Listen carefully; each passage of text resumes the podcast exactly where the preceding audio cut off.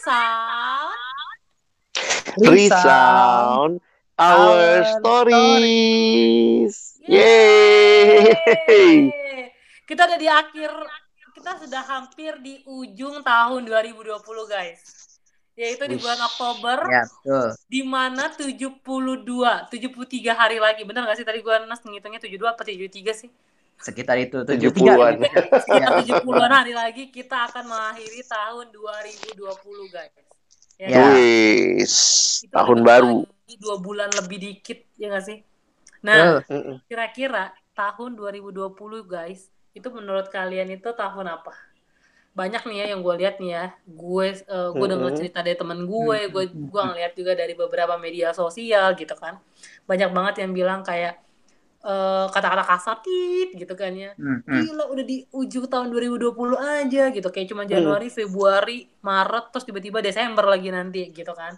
Atau Mhm. nggak kayak Hmm, ngerasa duh tau gini ya gue tahun 2019 langsung 2021 ke gitu. Atau enggak kayak eh, apa cepet lah 2020 berlalu ya kita tahu ya Hmm, gara-gara hmm. ada apa namanya musibah covid gitu kan Hmm, hmm, hmm, hmm, hmm. dan banyak juga hal-hal yang terjadi gara-gara covid ini jadi banyak banget yang kayak sumpah serapa yang orang kasih di tahun 2020 nah menurut kalian sendiri nih tahun 2020 tuh gimana sih Ah, 2020 ya. Tahun 2020 itu sebenarnya kan eh, dari Sio ya, tikus logam. buset kongsio banget lo coy Habis nanyanya tahun 2020 apa ya tikus logam kalau Sio dari Feng kalau Shui. kalau Sia tuh ngeliatnya gimana nih kok? Hah? Siang apa enggak apa gimana nih? Ya beginilah. Jadi banyak penyakit. Karena Tikus soalnya. Iya.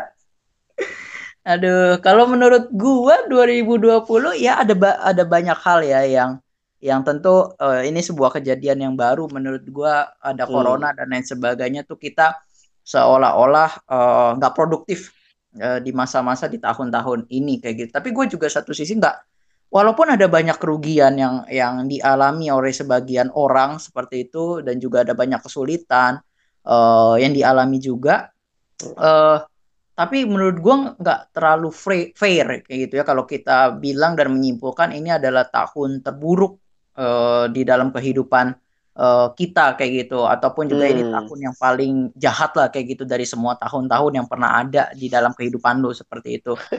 Karena kadang-kadang kalau lagi ngomong kayak gitu menyimpulkan seperti itu pertanyaannya tuh begini, ukurannya apa lu menyimpulkan itu bisa jadi tahun yang jelek kayak gitu lu caci maki tahun 2020 dan lain sebagainya.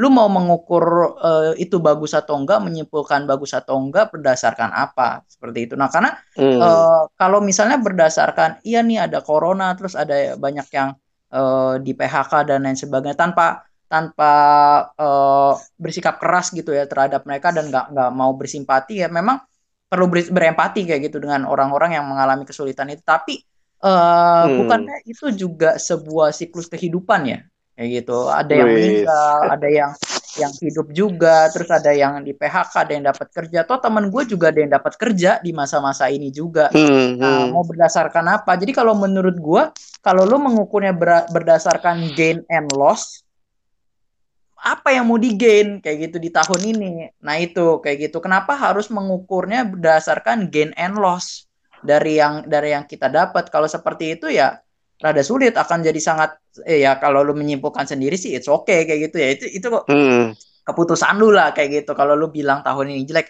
Tapi bagi gue mesti ngelihat secara fair. Kalau gue sih lebih suka begitu. Memang ada beberapa hal yang yang nggak enak yang gue alami juga di dalam tahun-tahun ini. Tapi kalau mau fair ada eh, bright side-nya juga eh, di masa-masa yang seperti ini kayak gitu. Nah itu yang gue lihat sih.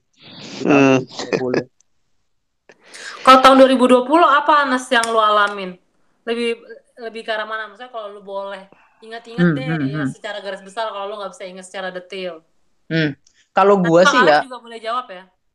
Kalau Hmm. gue tuh eh, di tahun ini tuh justru gue satu sisi jadi makin excited juga ya untuk 2021 nih kayak gitu. Kenapa excited? Karena di tahun ini nih gue bikin rencana gitu 2021 apa nih target yang mau gue capai dan lain sebagainya Lu Eh, rencana yang mau realistis. Kenapa? Lu mau bikin rencana buat nikah bagaimana tahun 2021? Oh itu pas selalu ada setiap tahun ada itu rencananya. Tiap bulan, tiap bulan. Realisasi. yang itu meleset mulu. Ada corona nggak Hmm. ada corona. Oke, fokus ya guys. Lanjut. Nah itu jadi me- kalau gua menurut gua eh, tentu nggak enak ya di dalam jadi di dalam masa-masa lockdown ini nih gue sering banget bukan sering malah tiap hari hampir tiap hari tuh gue di rumah sendirian. Nah itu itu Hmm. bosennya bosen banget dan dan adik gue juga nggak ada di rumah karena gue tinggal berdua sama adik gue kayak gitu adik gue Hmm. nggak ada di rumah jadi sendirian banget di rumah seperti itu. Nah eh tentu gue kadang-kadang ngerasa gila ini sepi banget gak ada yang bisa diajak ngobrol dan lain sebagainya masih meskipun bisa Hmm. ngobrol di chat ya tapi di lain sisi ada banyak hal yang bisa gue pelajari gue bisa bangun eh, rencana-rencana dan juga ada Hmm. hal-hal yang skill-skill yang lagi gue mau pelajari seperti itu jadi ada bright side-nya sih seperti itu gue gue selalu mikir gini ya eh, mungkin di dalam di dalam walaupun menurut gue gue mungkin ya la- masih belajar Hmm. terus gitu setiap ada ko- kondisi sulit di situ ada celah untuk kita belajar gitu hal baru atau ada celah yang Hmm. yang eh, menurut gua tuh bisa diambil eh, dampaknya untuk untuk melihat itu sebagai hal yang tadinya negatif jadi positif. Kita ubah itu dari negatif jadi positif. Menurut gua gitu kayak gitu. Nah itu itu menurut gua salah satu hal yang Tuhan karuniakan kepada manusia sehingga manusia bisa mengubah hal itu tuh dari hal yang dia dapatkan negatif tapi dia bisa rubah jadi positif. Nah, itu salah satu hal yang Hmm. gua tuh Tuhan berikan karunia seperti itu. Karena Tuhan bisa melakukan hal itu. Kalau manusia aja bisa, kenapa Tuhan enggak? Kayak gitu kan. Justru manusia dapat dari Tuhan. Nah, kalau kalau kita nggak bisa rubah, oh, gue juga rada bingung ya kayak gitu. Karena Tuhan udah karuniakan. Justru jangan stuck di di hal kesulitan, tapi berusaha ubah eh, jadi hal yang positif. Walaupun tetap ngomong enak, melakukan nggak gampang. Hmm. Lu selalu lebih gampang diingat daripada Iya, heeh. Iya, iya betul. Kalau gue mungkin agak berbeda juga karena ya kalau bicara misalnya di rumah, gue emang suka di rumah. Jadi gue beda banget kali ya. Makanya ada yang bilang agak tertekan. Kalau gue sebenarnya ya nggak milih-milih sih. Maksudnya emang suka di rumah, seneng baca, Hmm. seneng seneng apa ya suasana yang lebih homey lah.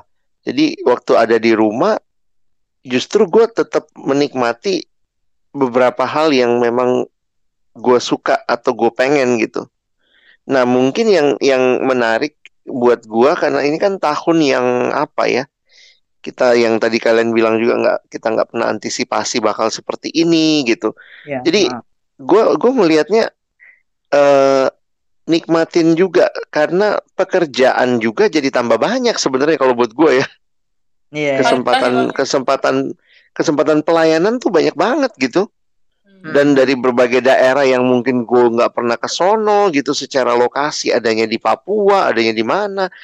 Tapi gue dapat kesempatan itu. Jadi akhirnya gue pikir jadi tetap tetap yang excitednya adalah gue bisa ke mana aja gue bisa tetap kerja tapi di tengah-tengah situasi dunia yang yang ha- mengharuskan gue harus ada di rumah ternyata dari dari kamar gue bisa bisa ke mana-mana gitu loh itu Iya. itu bu- buat gue tuh excited banget sih awalnya ya memang belakangan tanda kutip mungkin ngalamin kejenuhan karena akhirnya ya balik lagi kan ada ada seperti rutinitas yang berlangsung itu Hmm, lagi begitu Betul. lagi gitu jadi gue gue lebih ngerasa apanya ya eh, rutinitasnya itu bukan karena di rumahnya tapi karena Hmm. memang yang dikerjain itu ya itu itu lagi Itu gitu lagi ya. Heeh. Heeh, dan itu waktu waktu offline pun misalnya bisa keluar juga ketika rutinitasnya misalnya hanya itu aja yang dikerjain eh jadi jadi ini juga bosen juga gitu. Jadi Mhm. kalau gue makanya bosennya bukan bosen di rumahnya, bosen dengan rutinitas eh, kegiatannya sering sering kali gitu. Nah, Hmm. cuma gue jadi menghayati yang kayak ini juga ya. Kalau ada yang mungkin nggak suka dengan tahun ini dan segala macam, gue pikir ya tetap sih ya. Gue di tahun ini diajarin realistis. Mhm. Jadi kan biasanya biasanya optimis, optimis, optimis harus begini, begini, begini. Ternyata nggak bisa karena kita harus ada di rumah.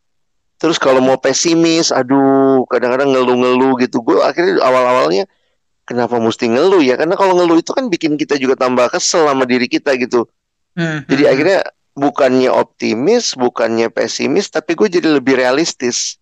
Iya, iya. Ya Hmm. udah, ini yang bisa dilakukan ya lakukan, yang nggak bisa dilakukan ya jangan jangan.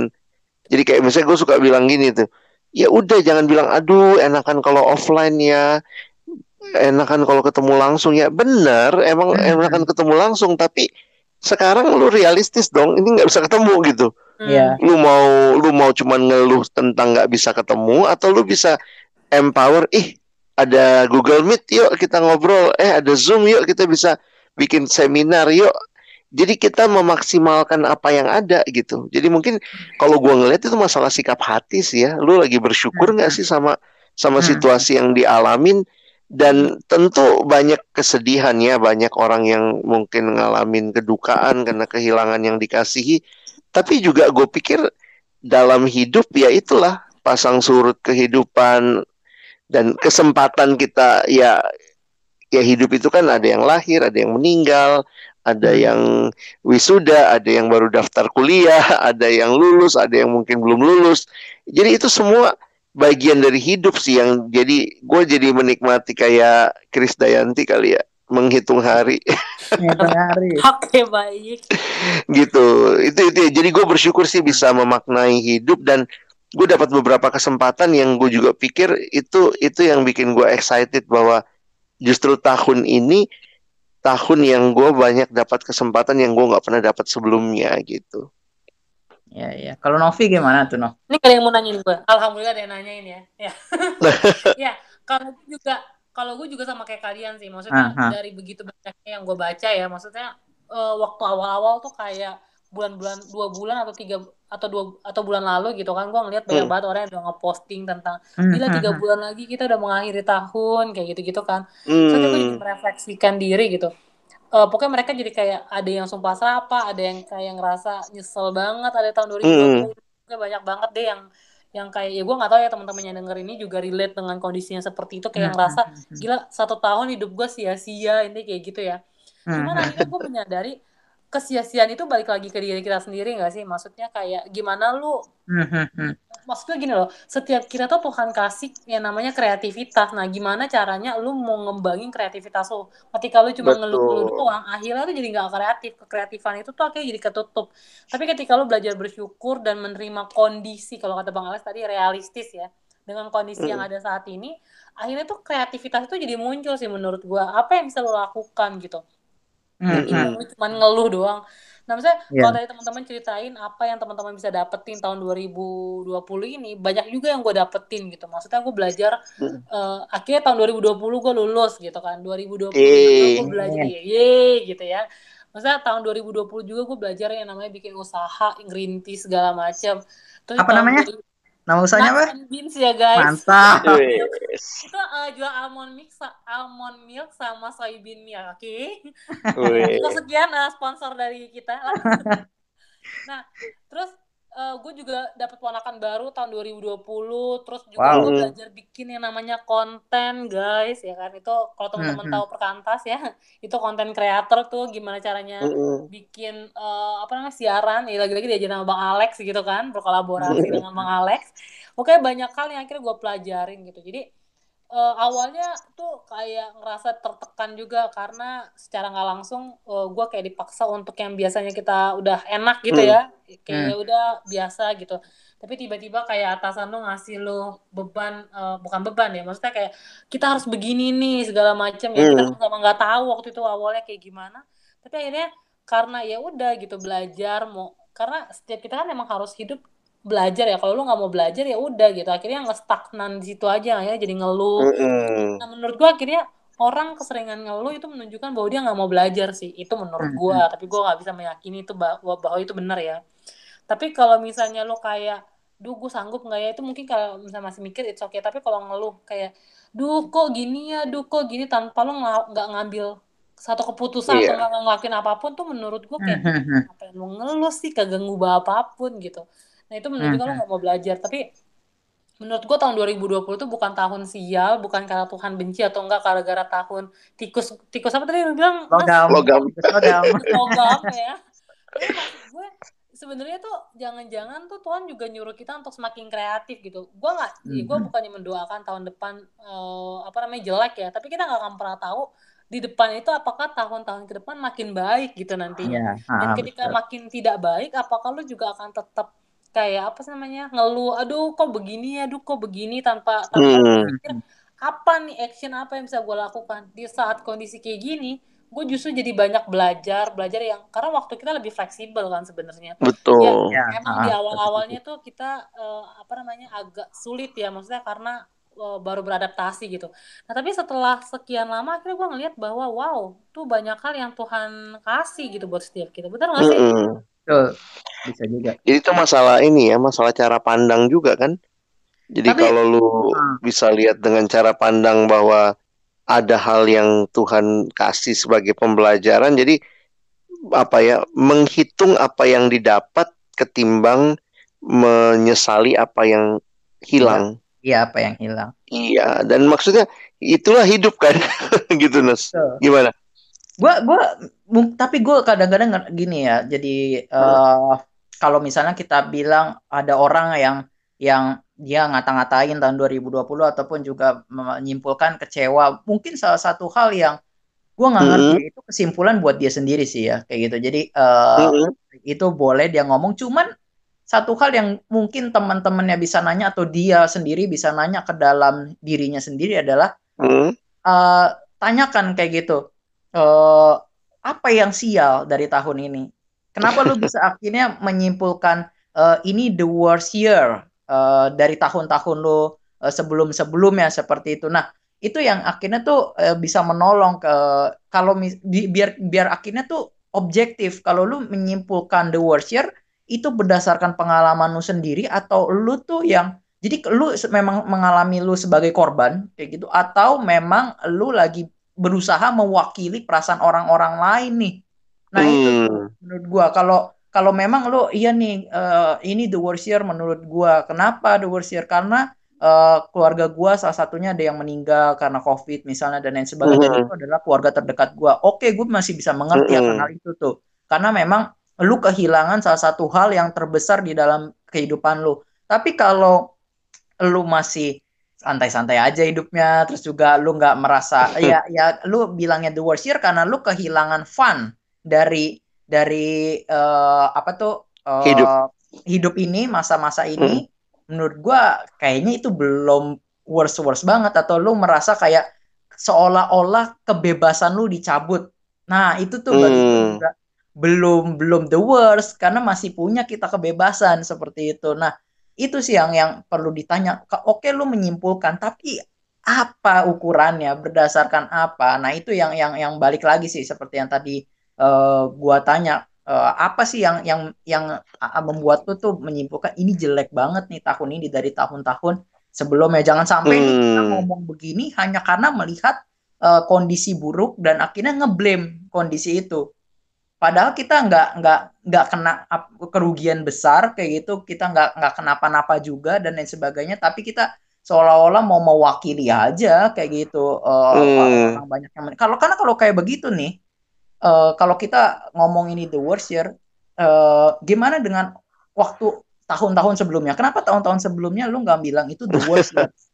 Kayak gitu. Kar- Karena ada banyak orang di tahun-tahun sebelumnya yang juga mengalami kesedihan dan penderitaan dan kesulitan. Tapi lu nggak mau mewakili orang itu dan bilang ini the worst year di tahun ini. Hmm.